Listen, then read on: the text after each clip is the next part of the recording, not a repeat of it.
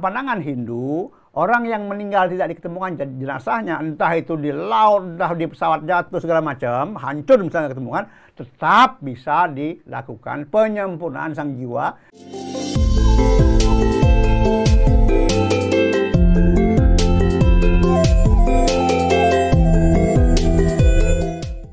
Om Swastiastu. Terima kasih pemirsa Hindu Channel selalu hadir di YouTube Hindu Channel membahas tentang berbagai topik yang secara sederhana kebutuhan di masyarakat dan realitanya tentu saja ada. Tidak hanya teori saja. Itu takutnya kami dari Hindu Channel lah teori-teorinya ini terlalu ribet, nggak nggak ngerti pusing aja umat sedharma gitu kan. Nah, hari ini kita Aji Dewa Surat Naya lagi. Topik sebelumnya kita kemarin itu Ji menyinggung tentang salah satu hewan. Ya, Tapi di situ juga menyampaikan tentang yang namanya reinkarnasi. betul. Kejadian peristiwa-peristiwa Yap. gitu yang memang secara realita akan membawa bentuk karakter manusia. Ya, Nah, hari ini kita akan membahas tentang peristiwa yang eh, terjadi mungkin yang ada di masyarakat. Yap. Eh, mungkin ada umat-umat Hindu kita yang merasa kehilangan umat sedharma atau Iya. keluarga besarnya yang mungkin tidak bisa ditemukan. Peristiwa apa pun itu, Ji. ya, Nah, hari ini kita bahas, nah bagaimana pandangan Haji atau apakah ada pengalaman Haji atau ada perintah seseorang untuk tolong bersihkan, tolong selamatkan, tolong bantu dan lain sebagainya. Nah, Iya. Gimana Ji? Apakah ada peristiwa seperti itu, kejadian-kejadian yang mungkin manusia tidak bisa ditemukan jenazahnya ataupun ya, apa? ya, Silakan ya, Ji. ya. Eh, banyak kejadian ya yang namanya orang meninggal gitu ya pesawat jatuh. Dulu pernah ada pesawat jatuh di Bali. Eh, Pan Am dulu di Bali jatuh kemudian Garuda jatuh di Medan ya nabrak bukit itu gunung Hmm. itu. Dan kemudian juga kita tahu ada Adam Air jatuh di laut Di laut. hilang nggak pernah ketemu ya. Dan banyak kejadian yang lain yang menyebabkan orang itu meninggal. Dan tidak diketemukan jenazahnya. Kan ini ya sebetulnya Hmm. tidak diketemukan jenazahnya ada juga korban-korban banjir banyak sebetulnya. Dan memang beberapa orang lu pernah minta bantuan gitu ya. Kita lakukan sesuatu untuk menyempurnakan sang jiwa supaya eh, ke mana harus perginya eh, sang jiwa ini. Jadi kita membantu perjalanan jiwa sebetulnya. Nah, biasanya yang dilakukan itu gimana Ji biasanya? Eh, dari permintaan keluarga ataukah langsung memang bentuk kremasi atau langsung lakukan ritualnya semoga selamat, semoga ketemu atau gimana Ada biasanya? dua, dua, dua, dua model ya, dua jenis sebetulnya. Yang pertama ada permintaan Hmm. dari keluarga, ya. Kemudian yang kedua ya kita lakukan secara massal, termasuk mengikut sertakan korban-korban itu, misalnya pesawat jatuh dan lain sebagainya. Ya, Hmm. memang ada dua hal ini. Nah, khusus untuk yang anu, yang yang eh, atas permintaan, kan kita punya pola namanya ngulapin di mana pun kecelakaannya entah di hutan entah di danau di laut di mana pun itu dan memang tidak ketemu jenazahnya Mhm. ya itu kita lakukan eh, proses penyempurnaan dari sang jiwa supaya sang jiwa ini tidak menjadi apa ya semacam limbah di permukaan bumi ya Hmm. bahasa kasarnya begitu tidak menjadi permukaan tidak menjadi limbah dalam arti tidak juga akan membuat sang jiwa ini menderita. Menderita. Dan ini tentu akan berdampak juga kepada yang hidup keluarganya. Nah Hmm. ini kita lakukan semua ini ya. Ada apa kita lakukan dengan sasaran semua ini dengan cara pertama ya kita memanggil, ngulapin. Mhm. Sang jiwa itu kita panggil. Seperti halnya sama aja orang kecelakaan misalnya. Kalau kecelakaan kan masih ketemu jenazahnya, ya.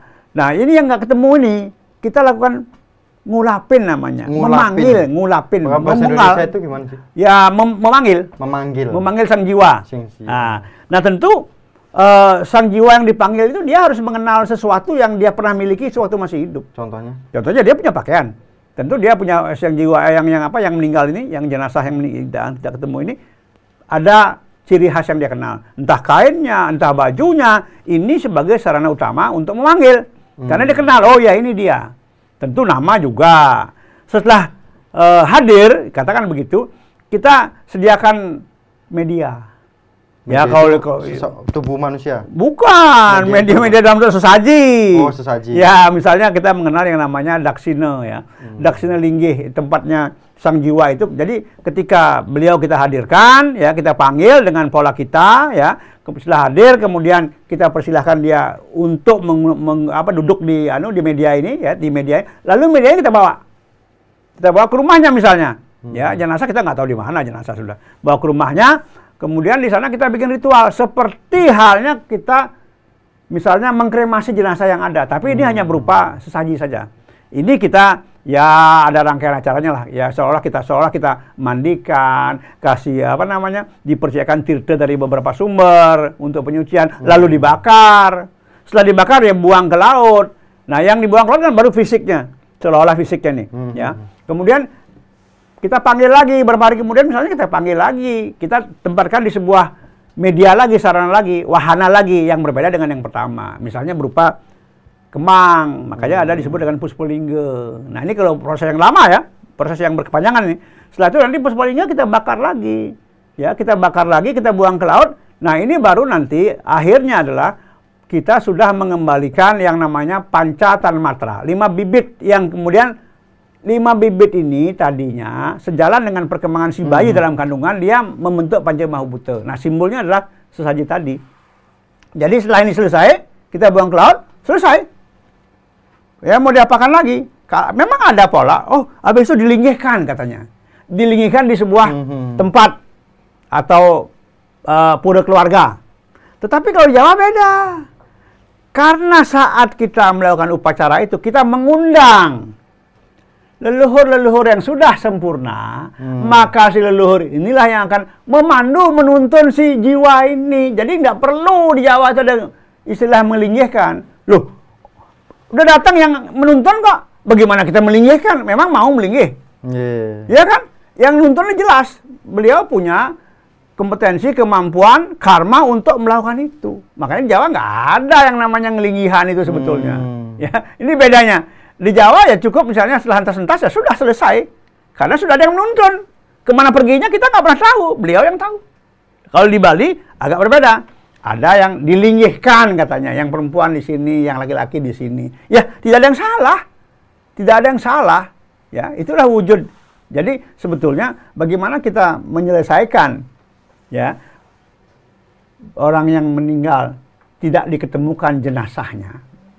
Badan fisiknya nggak diketemukan, Ya. tapi tetap kita proses untuk apa? Untuk menuntun perjalanan sang jiwa.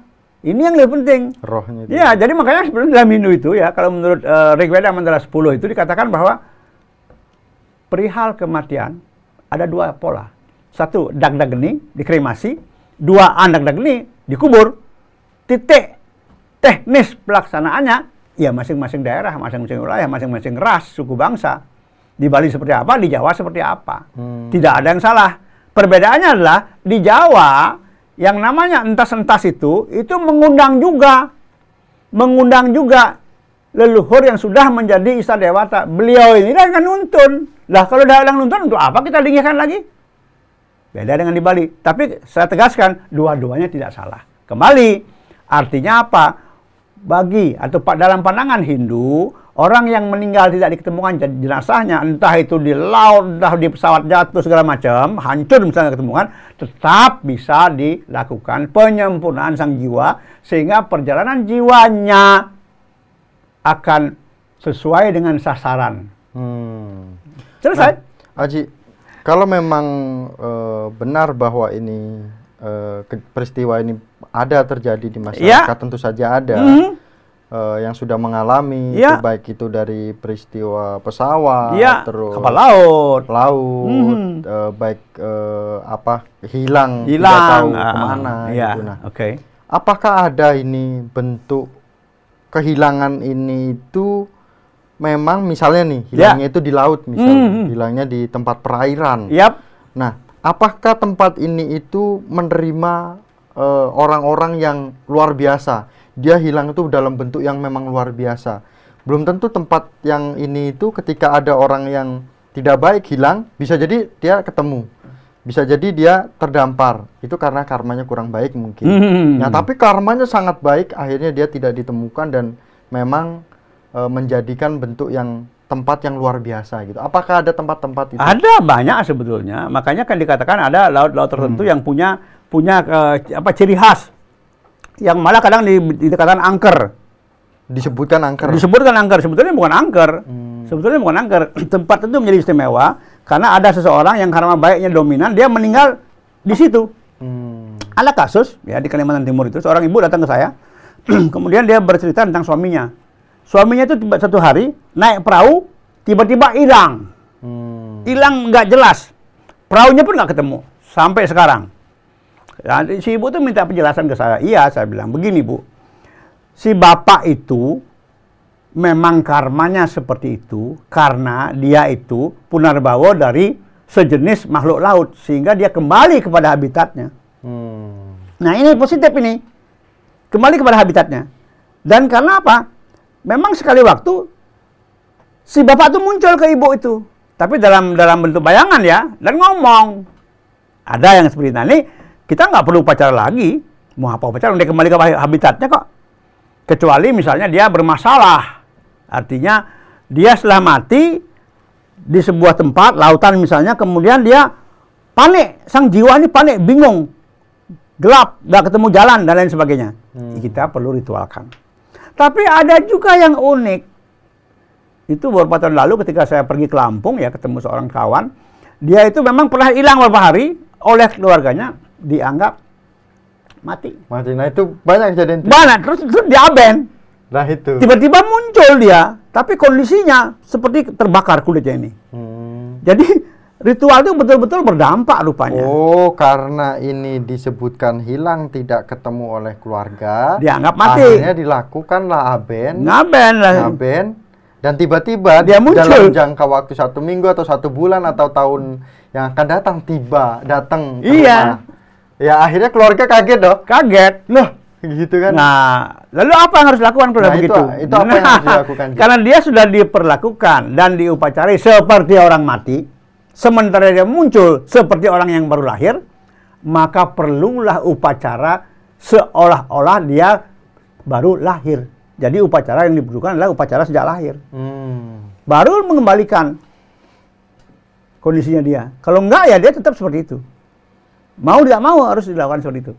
Karena dia muncul, istilahnya seolah dia lahir lagi gitu loh. Hmm. Harus dia lakukan seperti itu. Banyak kasus seperti ini. Di mana yang banyak. sering terjadi di upacara itu, Ji? Selesai upacara gitu. Iya, selesai upacara, Tiba-tiba pulang. pulang dia muncul tiba-tiba. Loh, kok masih hidup kamu? Padahal tadi yang dijelaskan Aji itu kan dia udah dipanggil, udah Ya. dipanggil, udah ditedun, tedun ya. Udah, udah Ji? ngulapin tadi itu. Ngulapin, Ah. udah ngulapin.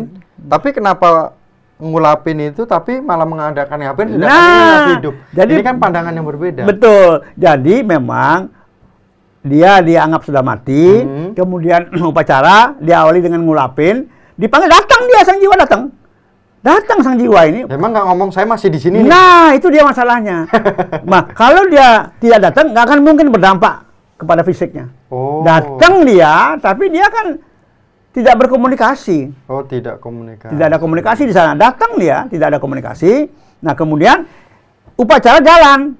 Ya kan datang dia itu loh. Datang dia itu upacara jadi benar jalan. Karena begini ya. Setiap upacara apa pun namanya, Hmm. sekecil apa pun itu, ya, terkait dengan orang mati, kalau sang jiwa tidak hadir dari upacara itu, upacaranya gagal. Hmm. Ngaben misalnya. Ada kasus dulu. Sudah satu bulan beliau itu sawonya, jenazahnya di rumah. ya Tiga hari akan pelebon, akan kremasi nih. Itu satu bulan dari rumah ini. Tiga hari anu, anu kremasi. Ternyata tiga hari sebelum pengumuman kremasi ini, ada yang kelauhan, saudaranya sendiri. Yang mengatakan bahwa dia itu masih di rumah sakit.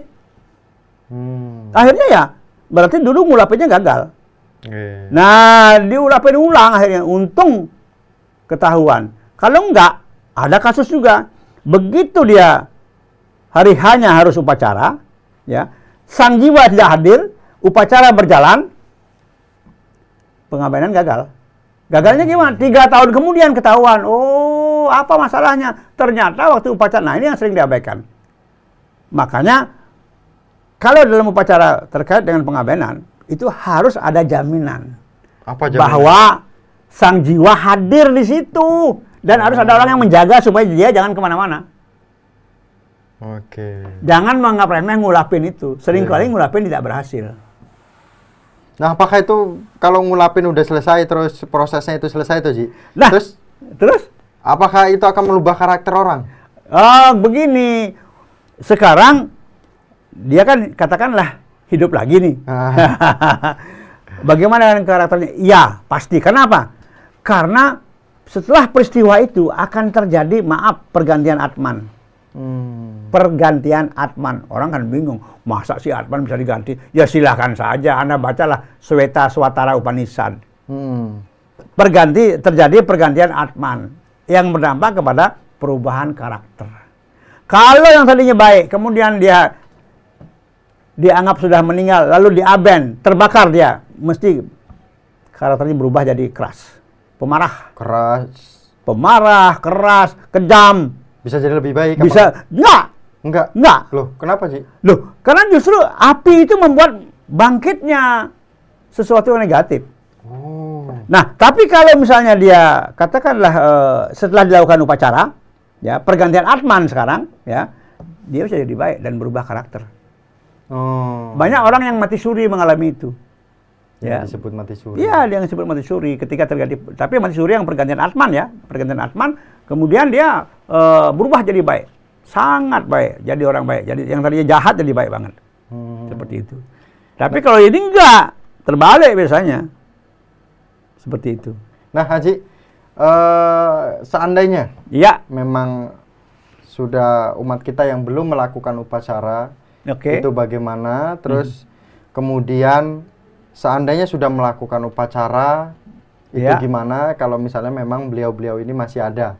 Nah, seperti itu. Masih Eh, ada maksudnya? Maksudnya seandainya eh, umat kita yang Ya. memang akan apa yang memang sudah terjadi itu tapi belum melakukan upacara itu bagaimana? nah, kemudian kalau memang ternyata yang tidak kita duga beliau eh, orang yang hilang ini masih ada, tetapi kita sudah melakukan upacara. Itu gimana? Terakhir ini Ji, sampaikan ke Sebenarnya, masyarakat. sebenarnya tadi sudah saya singgung ya. Iya. Kalau misalnya yang belum melakukan upacara ya sang jiwa akan sangat menderita Hmm. karena sebetulnya dia ada di alam kita tapi tidak punya badan. Sehingga apa? Musim panas dia kepanasan, musim hujan dia kedinginan, dan jam-jam makan dia lapar. Ini membuat dia menderita. Tapi kan dia nggak mungkin mati, orang dia jiwa kok. Iya. Nah, yang kedua, eh, kalau sudah diupacarai ya, sudah diupacarai, ya ini kan pulih lagi. Walaupun dia sudah misalnya, misalnya dia dianggap sudah meninggal, Hmm. tiba-tiba muncul lagi, tapi padahal sudah diaben ini, dan dia muncul lagi, ya mau nggak mau, seperti yang tadi saya katakan, harus udah ada upacara sejak awal. Seperti orang, seperti bayi yang baru lahir.